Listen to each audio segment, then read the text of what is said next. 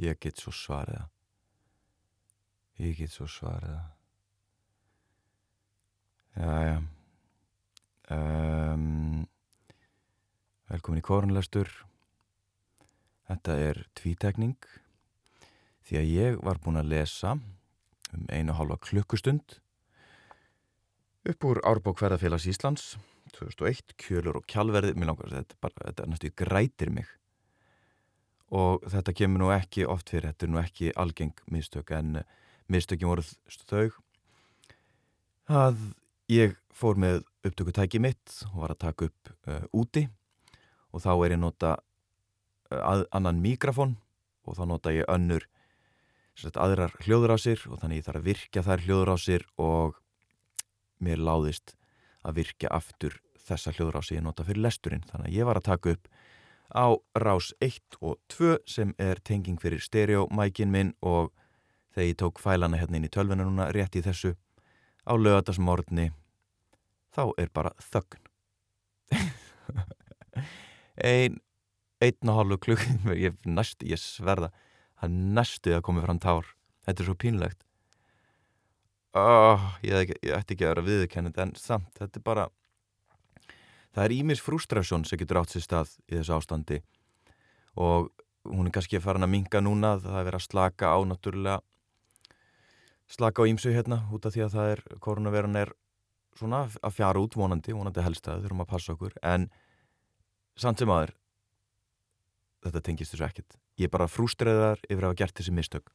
En svona þetta, maður er bara að gjalda og leiðir þetta fyrir sín, fyrir sín mistök. Og við förum hérna bara beint í Árbók Ferðarfélags Íslands frá árinu 2001 og ég ætla að vona að þessi lestur verði ekki síðri en fyrir lesturinn.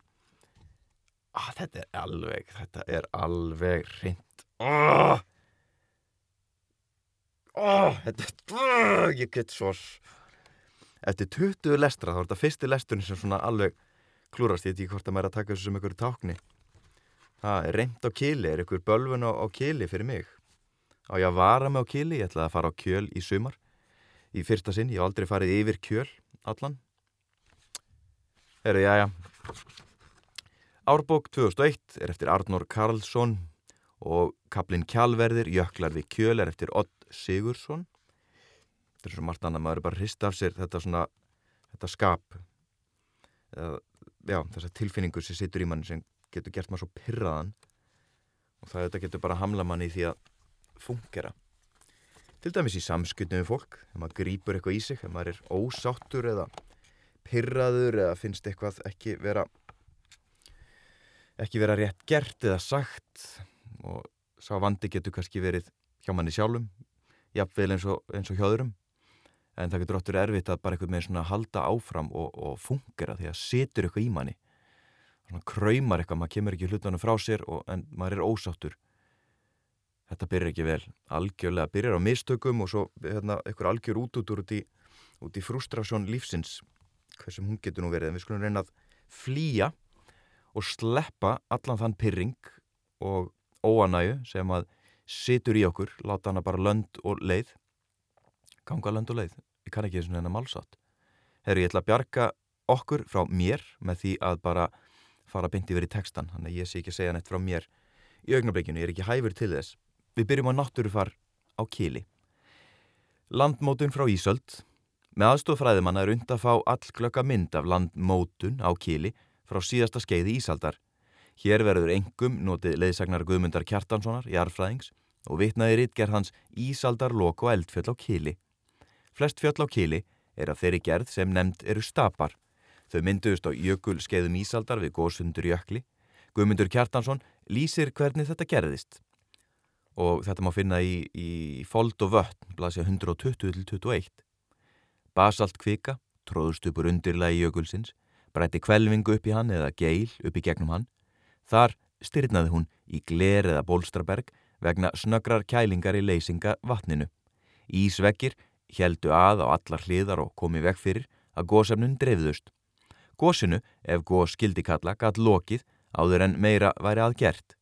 Árangurinn varð þá aðeins Móbergs hæð á jökulbotni, ósínileg þanga til jökulskeiðinu lauk og jökullin kvarf.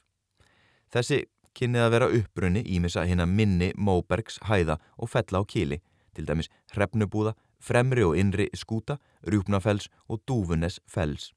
En gerum ráð fyrir að jarðeldurinn láti ekki við þetta sitja. Heldur haldi áfram eða takis upp aftur í Móbergs hæðinni undir ísnum. Þá hlæðist hún upp, hærra og hærra, uns hún rekur kollin upp úr jöklinum, eða öllu heldur upp úr vatninu í ís geilinni. Við það breytist eðli gossins, því að nú kemur það upp undir berum himni. Í stað þess að áður hrúaðist upp glerkent Móberg og Bólstraberg niður í vatni millir ísveggja, flæða nú raunum auðan fjallskollin og þekjan lögum úr blágriti eða grágriti. Þessi lög eru hamrabeltin í brúnum hrútfells, kjálfells og annara stapa. Hinnar fagur kveldu bungur uppi á mörgum stórum stöpum eru engungur rauni og dæmigerðar dingjur, ekki síður en til dæmis kjálraun og bald heiði. Slíkar dingjur virðast eindreið vera undir hjarnhúfanum á hrútfelli og skriðufelli. Um minjar jöklana segir Guðmundur Kjartason meðal annars. Ekki skortir jökulminjar á kili. Berggrunnurinn er langvíðast þakkinn stórgrítum melum sem er að upprunna jökulruðningur og sumstaðar auðrum jökulvatna. En klappir sem upp úr standa eru flestar kvalbakaðar og víða með skýrum jökulrákum. Þessi verksumerki eru kvorki eftir hofsjökul nýja langjökul nefnað ofurlu leiti. Ruðningur þeirra nær hverki lengra en fá eina kílometra framundan núverandi jökulrönd en yfirleitt miklu skemra. Hann er óveðraður, úvinn, mjög og ógreiður og yfirferðar og allt yfirbrað hans stingur svo glögt í stúf við eina gömlu sléttu eða ávölu jökulmela að ekki verður á vilst. En fremur veit stefna gömlu jökulrákana þar sem þær finnast, nálat í aðri núverandi jökuls, því nær þversum við skriðstefnu hans. Úpnu ruðningsmúarnir við rendur hofsjökuls og langjökuls marka mestu útbreyslu þessara jökla á síðustu öldum, en sléttu melarnir og aðrar jökulminjar um allan megin hlutakjalar eru eftir Ísaldar jökul sem löngum þakti þínar allt Ísland á síðasta jökulskeiði Ísaldarinnar. Það jökulskeið hóst fyrir hérum byl 70.000 ára og því laug fyrir hérum byl 10.000 árum. Þá tekur nútíminn við. Hvergi á kili, niður annar staðar á miðhálendinu hafa fundist neinar jökulminjar er að ellimerkjum séu millistig milli Ísaldarminjana og minjana um framgang jökla á síðustu öldum. Af því maður marka að Hofsjökull og Langjökull hafa aldrei síðan Ísaldarlokk orðið stærri en á 18. og 19. öld. Guðmundur Kjartansson gerir nokkra grein fyrir hvernig und er að sjá á jökulrákum, á klöppum, að þar hefur verið Ísaldar jökull og í hvað átt hann hefur skriðið. Hann telur allar jökulrákir á kili frá síðasta jökulskeiði. Á kjálfelli fann hann mjög greinlegar jökulrákir sem stefna norður en í nær gagstað átt á bláfelli. Af þessu dregur, Guðmundur, áleiktun. Á þeim tímum sem korar tvekja voru ristar hefur hábunga Ísaldar jökulsins, Ísa skilin millir Norðurlands og Suðurlands, leið á sunnanverðum kili, millir Bláfells og Kjálfells og þó sennilega nær hinnu síðarnemda. Guðmundur heldur síðan lengra norður. Um allan kjöl fyrir norðan Kjálfell stefna þær jökul rákir sem þar finnast norður af. Réttur svo við er að búast. Minjarum jökul lón frá Ísaldalokum er víða að finna þessu svæði sem rákir í hlýðum. Guðmundur bendir á nokkra þeirra. Í undir hlýðum langjökuls á kaplanum frá kvítarvatni inn fyrir hrútfell má stundum um langan veg tilsýndar greina kynlegar láréttar línur, sumstaðar hverja upp af annari. Það er koma glegst fram undir sól að sjá sem ljósar rákir á dekkri grunni. Þetta eru forn vassborsmerki, strandlínur. Strandlínurnar eru einna glegstar í austur hlýð leggjabrjóts við fremri fróðárdal Þar eru þær mjóð þrep, í mestalagi fáinnar metrar á breytt og auk þess afslepp. Þau eru aðeins mörkuð í urð og skriðu en hvergi fast berg. Helst gætir þeirra þar sem bratti er í minnalagi og engum í bringum sem skaga fram úr hlýðinni. En línurnar eru sundur slittnar þar sem brattast er, væntanlega vegna grjót hruns og jarðskriðs. Búta einstakra línam á rekja saman í óbreyttri hæð um 1-2 km veg. Ekki er grjóti í þessum fórnu fjörum ávalað að neinu ráði en þó sínum minna kvassbrínd en ekki grjótið í skriðunum á milli. Við utanverðan Fróðardal má sjá 14 línur af þessu tægi hverja yfir annari, en ekki allar jafn glöggar. Herru, já, við viljum að færa okkur yfir í vatnafar á blasiðu 13. Tvö stórfljót eiga efstu upptök sína á svæði því sem hér er fjallaðum og fellur annað norður í húnaflóa en hitt til söðurs í Allands haf. Bæði fá þau vatn frá jökul röndum hofsjökuls og langjökuls í alltaf þúsund metra hæði við sjáamál en við bætist mikið að bergvatni frá uppsprettum smálækjum og ám. Blanda og þverar hennar.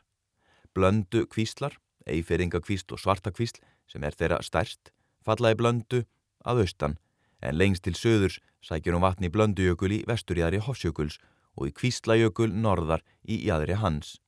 Í hlýjundum bera þær lit af skólu og jökulvatni en þær leysing er lítil, einkennast þær margar af tæru vatni uppsprettu linda. Í hjöllunum við jökulröndina hafa þær sumstaðar grafið sig gljúfur og falla ströymharðar með litlum fossum og flúðum en renna síðan ströymlittlar niður eftir jafnlendum malar eirum. Svarta kvísl er um 20 km laung og rennur millir guðlaust tungna og svartu tungna, efst á grjóti og möl en þegar neðar dregur er viða sandur í botni hennar. Að vestan falla yngar ári blöndu um það byrj fyrstu 30 km frá upptökum hennar. Einu umtalsverði lækurinn er stóri lækur eða þúpna lækur í biskupstungum þar sem hann á upptöku í lindum og votlendi. Nokkur neðar rennur Seyðis á í hana. Hún á upptök sín í Seyðis ár draugumilli búrfjalla og sandkúlu fells, en fær brátt viðbót frá Beljanda sem er aðeins nokkura kílometra laung ársbræna með nokkrum flúðum og litlum fossum og kemur upp í tungum sem draga nafn af henni, Beljanda tungum. Ég ætla að hoppa aðeins uh, yfir smá texta fyrir beinti yfir í fróðá þannig að við náum yfir uh, öll svona helstu, helstu vass, árfarvegi, vassföll og já, vötn. Fróðá. Stundum fær fróðá vatn á yfirborði allt frá langjökli, vestan hrútfells. Vass rennslið myndar þá allháan foss á brún leggjabrjóts í innri fróðardal. Oft er þessi farvegur raunar þurr, en mikill hluti vass árinar kemur upp í dalnum sunnanverðum. Þar er lítið stöðu vatn og falla oftast í það aðeins litlar sprænur, en úr því rennur umtalsverð á. Hún fellur ströym þungi í stórgrítum farvegi, fast við leggjabrjót, niður í fremri fróðardal. Henni ykst vatn á leiðinni úr fjölmörgum uppsprettum undan raunbrúninni en stærsta viðbótin er allstór kvísl sem á að mestu upptök sín við og í vestur hlýð hrefnu búða. Stundum fær hún einnig úr þeirri átt viðbót úr fúlu kvísl en þegar svo er í vexti sendur hún hluta af sínu skólu af vatni, vestur með hrefnubúðum, að sunnan. Þegar svo er, hefur það mjög sínileg áhrif á fróðá. Annars er hún oftast blátær og rennur hljóðlát á sléttum sandbotni niður eftir fremri fróðardal og í norð-austanvert kvítar vatn. Fúlakvísl Lengst og vassmest ána sem í kvítarvatn renna er fúlakvísl. Efstu upptökennar eru í jæðri langjökuls við vatnaskil vestan þjófadala fjalla. Í fyrstu er hún lítil og ekki alltaf sjáanleg og yfirborði en rennur oftast eins og lítill hljóðlatur lækur eftir söður hluta hundadala og fellur í alláum fossi niður í jökul krók norðan fögru hlýðar. Í króknum, þeim, bætist við vatn úr lindum, lækjum og kvísl vestan og jökli. Sunnan fögru hlýðar kemur önnur kvísl frá jöklinum og svo þriðja, sunnan innra sandfells úr sandal norðan hrútfells. Þessar kvíslar renna víðast fremur lignar eftir malareirum og eru mismennandi vassmiklar og stjórnast það mest af hittastígi og leysingu á jöklinum en meðan vetrasnjórin er að hverfa geta þær orðið að stórfljótum. Nokkrir litlir læki renna í fúlukvísl, að austan þjófadala kvísl og að vestan, nokkru sunnar, sprænur frá jökultungunum og upp sprettum í austurlíð hrútfells. Við múla rennur kvíslin í þröngu gljúfri sem ekki þar neina afreiks menn til að stökka yfir þar sem það er þrengst. Heitir þar hlaup. Nú er þar göngubrú svo að enginn þarf að hætta á að missa fótana við að hlaupa yfir og steipast á niður í nokkura metra djúft gljúfrið með olgandi áni. Á mótsu þeirr brekkur hefur kvísling grafið sér farveg niður úr kjálrauni. Þar er þröngt gljúfur sem oftast er fullt upp á barma og ber lítið á því. Sunnan þessa gljúfurs rennur hún á kabla, á malareirum, en aftur í gljúfri sunnar og siðist á því er önnur göngubrú, söðustan við þverbrekna múla. Næsti kabli er á sléttum malareirum og breyður hún þar töluvert úr sér, en rennur síðan í enn einu gljúrinu á mótsu sunnanverða balteiði og öðru austan við hrefnu búð. Þar er fúla kvísl, fremur lign en í öðrum gljúrum yfirleitt ströym hörð. Við sunnanverða hrefnubúð fellur kvíslin út á sléttlendi og þar hefur framburður hennar mynda kvítar nes. Yfir það rennur hún í mörgum og breytilugum kvíslum sem geta farið allt vestur í fróðá og austur í tjarná. Á þennan hátt fellur fúla kvísli kvítar vatn í mjög mismunandi farvegum. Oftast mun auðveldast að komast yfir hana fót gangandi eða á hestum upp undir hrefnubúð. En þegar kvíslin er ekki í vexti er undan vaða kvíslarnar á sléttum sandinum við kvítar vatn. Sandbleita er til trafala fyrir hesta á þessari leið og víðar í kvítar nesi. Litsinn fær kvítar vatna mest úr fúlu kvísl og sérst það vel þegar lengt er þar sem hún rennur í vatnið. Og við möttum að heyra mikið meira frá kvítar nesi, þar liggur algjör uh, fuggla paradís og vonandi haldið áfram að hlusta í vonum að heyra sagt frá þessari vini eðumerkinni. En áfram með vatnafarvei Tjarn á. Margir ferðamenn þekka Tjarn á sem litla og ligna á við Sæluhús ferðarfélags Íslands á bakka hennar. Hún á upptök sín í söður jæðri Kjall Rauns, 4-5 km norðar og sprettur þar upp úr nokkrum lindum. Farfiður hennar er þraungur fyrst í stað en vikar smásaman og sunnan við raunnið rennur hún austast á öðrum fúlu kvíslar. Stundum fær Tjarn á þar viðbótar vatn sem breytir henni mikið. Sjálf er hún lítil og tær en jökulvatni breytir henni í skólugt vassfall. Þetta getur varað ímist í stuttan tíma eða ár eftir ár. Á tímabili um og eftir miðja 20. stöld var göngubrú að tjarná við sæluhúsið til að auðvelda ferðamönnum að gema hesta sína vestan hennar.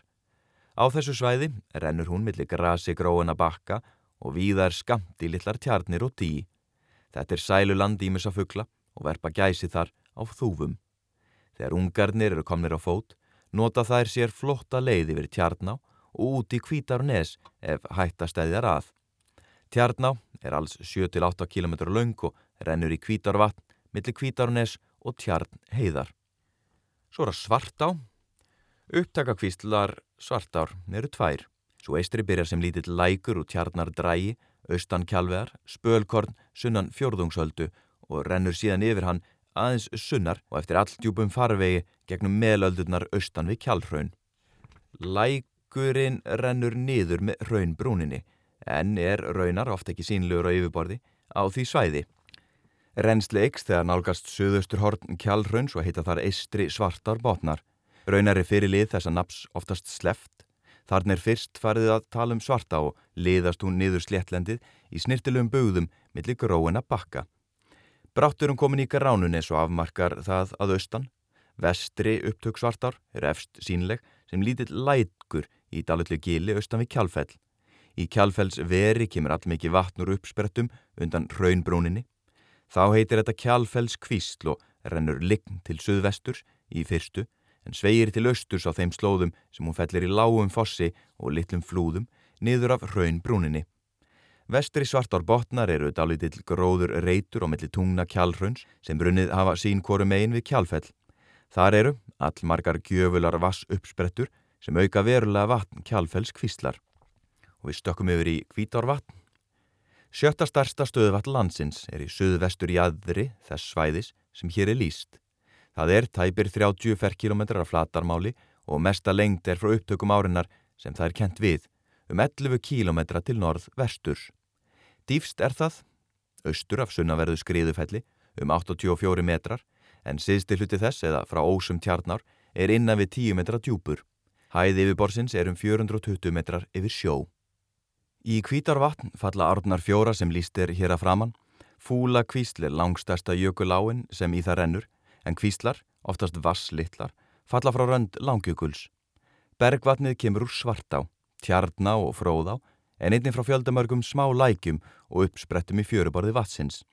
Mestur um slíkar lindir í Karls drætti og svæðinu kringum hann. Á lignum dögum á sjá hvernig tært bergvatnið er skili frá jökulvatninu með löndum en vindur, öldur og ströymar blanda það. Og í afrensli kvítar vats, kvítá, hefur vatnið ljósan lit sem áendregur nafn af. Áður fyrir voru tvær skriðjökultungur niður í vatnið en Suðurjökull hefur ekki náþangað í nær 6 áratugi og er sporður hans nú einum til tveimur kílometrum frá fjöru borðinu. Norður jökull er hins vegar með nokkur að tuga metra hátt og að minnst okkosti eins kílometra breytt jökulstál í vatni. Úr því brotna stöðugt jakar og fylgja því á töluverði skruðningar. Þeir berast með ströymi og reykur undan vindi eftir vatninu, stundum einn og einn, en stökur sinnum heilu flotarnir og setja mikinn svip á umhverfið, kvítir til að sjá en blá grænir þegar næri komið. Þeir stranda þar sem vatni er grund og bráðna smátt og smátt niður. Stundum allir það bændum nokkrum erfileikum framan að 20 stöld þegar kindur fór yfir siðri skriðaugulinn og rötuðu ekki tilbaka. Til er í munleiri geimt frá sögna því þegar menn voru miðjan fyrsta áratug aldarnar að sækja kindur í fjallið og ferja þær á báti fyrir jökulsporðin. Þeir þurfti að fara fleiri en eina ferð og bundu þær sem ekki komust í bátin á söðband við fjöruborðið og letu 16 ára úling gæta þeirra. Meðan þeir voru að róa fyrir jökulsporðin fjall stort stykki úr honum og gerði svo stóra öldu að þeir sem í bátnum voru töldu segja lífsitt að launa einum af þeim sem var vanur sjómaður og kunni að beita bátnum upp í ölduna. Úlingun sem gætti bundnu kindana bjargaði þeim með því að kippa þeim ofar í fjöruna svo að aldan náði þeim ekki. Nokkur sílungur er í vatninu og hefur veiði verið stundu þar, eitthvað um aldir. Engvern tíma var sagt að eins ábáta samt væri að hafa mann við veiði í kvítarvatni og senda hann til sjós á vertíð. Á síðustu áratugum hafa skipulegar rannsóknir farið fram á sílungnum í vatninu á vegum veiðimála stopnunar. Í skýrslu um þær segir meðal annars Kvítarvatnir fremur kallt, djúft og efnasnött jökulskotið hálendis vatn. Talsvert er að smávaksinni bleikju í vatninu og virðist hún aðala að lifa á bottýrum. Svif fánan er öllum líkindum fáliðuð og kemur ekki fram sem fæða bleikjunar. Vöxtur er hægur. Bleikjan verður kynþróska smá og, og vöxtur nær stöðvast við um 20 cm lengt. Sumar verða þó stærri og hluti þeirra getur smá bleikju. Líkur er á að bleikjan noti bergvats ár og læki til að hrigna í, en það má oft sjá töluverta seiðum og sílungstittum í tærum lækjum á vatnasvæðinu. Veiði réttur í vatninu fylgir öðrum afréttar nýtjum á svæðinu og er um hann félagskapur jarðeðanda í biskupstungum sem heitir Veiðifélag Kvítar Vats. Í skýrsluðina raðanettisins frá árinu 1994, innlendar orku lindir til vinslu raforku, er greint frá tveimur áallunum um nýtingu kvítarvats til miðluna vats við raforku framleyslu og er önnur nefnd Efri Kvítá, eldri áallanir. Það er gert rað fyrir stíplu í Kvítá við ábóta norðaustur af Bláfelli eins og greint er frá í kaplanum um Tangaver. Hækka vassborð kvítar vats um 16 metra og næri þrefalda flatarmál þess. Þessi áallun er orðin nokkura áratuga gömul og mun ekki vera dagskrá nú. Hinn er nefnd nýjar áallanir um virkun efri kvítar. Þar eru áformum að stípla kvítá við ábóta, veita sanda og hrunamannafrétti og jökulfalli í kvítar vatn en hækka ekki vassborð þess. Grafin yrði 15 metra djúpur skurður inn eftir sunnan verðu vatninu og vassmiðlun fengin með því að lækka í því. Vatninu væri veitt eftir göngum undir vestanvert bláfell og virkjum við það kent gerð neðanjarar, söðu vestan fells. Hættir við að mörgum breyði í brún að sjá kvítar vatn með 15 metra lægra vass yfirborði og allur söður hluti þess sand eirar inn fyrir tjarn ár ósa. Ekki mun unnið að undirbúningi þessara virkunar um þessar mundir. Mm, ég byrði alla sem verður mjög heitt í hamsi við að uh, heyra nefnd, nefndar virkjanir á hálundinu anda djúft þetta er ekki á dasgrá eh, eins og staðan er núna en skjótskipast veðurlofti öllum, öllum mannsismálum og já, ansi mikið af gamlum skýrslum sem að frá orkustofnun sem eru bara mjög merkileg lesning og mjög fallegar skýslur eh, burt sér frá innihaldu og hvað manni finnstu það að þá eru ótrúlega fallegir uppdrættir teiknaðir, handteiknaðir uppdrættir af uh, árfarvegum og vatnarsvið og öðru. Mjög, mjög svona visuáli sjónrænt flott plögg. En uh, yfir í Kvítá Kvítá Kvítá hún far mestan hluta vats síns úr vatninu sem við hana er kent ekki er hún einn glögg skil þar sem Kvítár vatn endar og Kvítá byrjar en næri lætur að það sé um 2 km sunnan ósa svartár. Halla lítil rennur kvítá svo með hægum en nokkuð þungum ströymi um þrjá kílometra þar til jökulfall rennur í hana frá vinstri. Á þessum kapla voru nokkur vöð sem voru nóti áður en áin var brúð. Efst var vor rekstrar vaðið um 1 km frá upptökunum. Þar var fjöð rekið innifir á vorin og þekkist vaðið af steinum sem standi upp úr anni, nærri yfir hann að þvera. Ferjustæðurinn var um hálfum kílometra ofan brúarinnar og þar var fjallsafniði rekið söður yfir á haustin. Neðan brúarinnar eru skakkfeyringavad og holmavad en eifeyringavad fram af eironum við jökul fall. Vatnamælingar fylgjast með vassmagnin kvítár með mæli sem er rétt neðan við eistri brúarsporðin. Mælingarnar sína að meðal reynsli síðustu áratugi er nálagt, og hlustuði nú allir leiðsögumenn, er nálagt 50 rúmetrum á sekundu. Mesta reynsli sem mælst hefur var 7. februar 1960 259 rúmetrar á sekundu en það minsta 18. desember 1960 6 rúmetrar á sekundu. Að meðaltali lætur nærri að tæpur helmingur vats í fegust og djásni kvítár, gullfossi, komi úr kvítár vatni. Svo er að jökul fall. Áinn á mörgum hrunamanna afréttar og biskupstungna afréttar gengur undir tveimur nöfnum, jökul kvísl og jökul fall. Sumir nota alltaf annað nafnið, aðri nota hvort nafna á einstaka hluta árinar og enn aðrir bæði nafnin jöfnum höndum. Upptök árinar eru jökul krók austan bláginýpu, myndast hún þar úr litlum kvíslum úr skriðjökli sem nefnist bláginýpu jökull í suðvestanverðum hofsjökli, svo úr litlum tjörnum og lónum við jökuljaðarinn.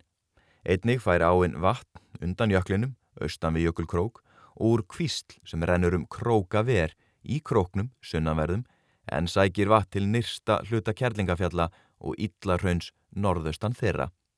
Jökul kvísl rennur í dálitlu gljúfri, vestur úr jökul krók en síðan í grítum farvegi og malar eirum norðan kærlingar fjalla. Við brúna á veginum í kærlingar fjöll fellur hún í dálitlum fossi sem hér er nefndur brúar foss. Niður í þröngt gljúfur, áinn rennur ströymhörð eftir gljúrunu næstu 2 kílometra. Farfiður hennar opnast dálitið á nokkur hundru metra kapla í ofanverðum blákvíslar kvammi en síðan fellur hún fram af bergstalli í gíjar fossi. Við ætlum að stökka við í gróður. Flestum sem fara í skyndingu um kjálveg mun finnast svæði vera mestuleiti auðn. Melar og grjót er það sem eftir situr í minningunni. Þetta stafar að hluta því að veginum hefur verið valinn staður á melunum þar sem auðvelt var að jafna bílfara braut og undirlag er fast. Ekki þar samt að fara nema út í vegkantin til að sjá nokkurt líf, engum á sumrin. Nánast allstaðar eru blómplöntur á melónum, ekki þjættar en svo sem 5 til 20 á fermetra. Þar er einnig víðast víðir og á nánast öllum steinum eru fléttur af margs konar gerð. Allmiklar gróður rannsóknir hafa farið fram á einstökum svæðum og kili síðustu áratögi. Engum hefur verið skoðað hversu margar tegundir væri þar að finna af háplöntum eða blómplöntum og byrkningum eins og þær eru nefndar hér í rannsóknar niður stöðum. Viðamesta rannsóknin var gerð á svæðinu í kringum Kvítar vatn sumarið 1983. Leti hún í ljós á svæðinu sunnan frá Kvítá og Kvítar vatni norður á hrefnubúðir og vestur í Karlsdrátt er að finna um 160 tegundir af slíkum plöntum.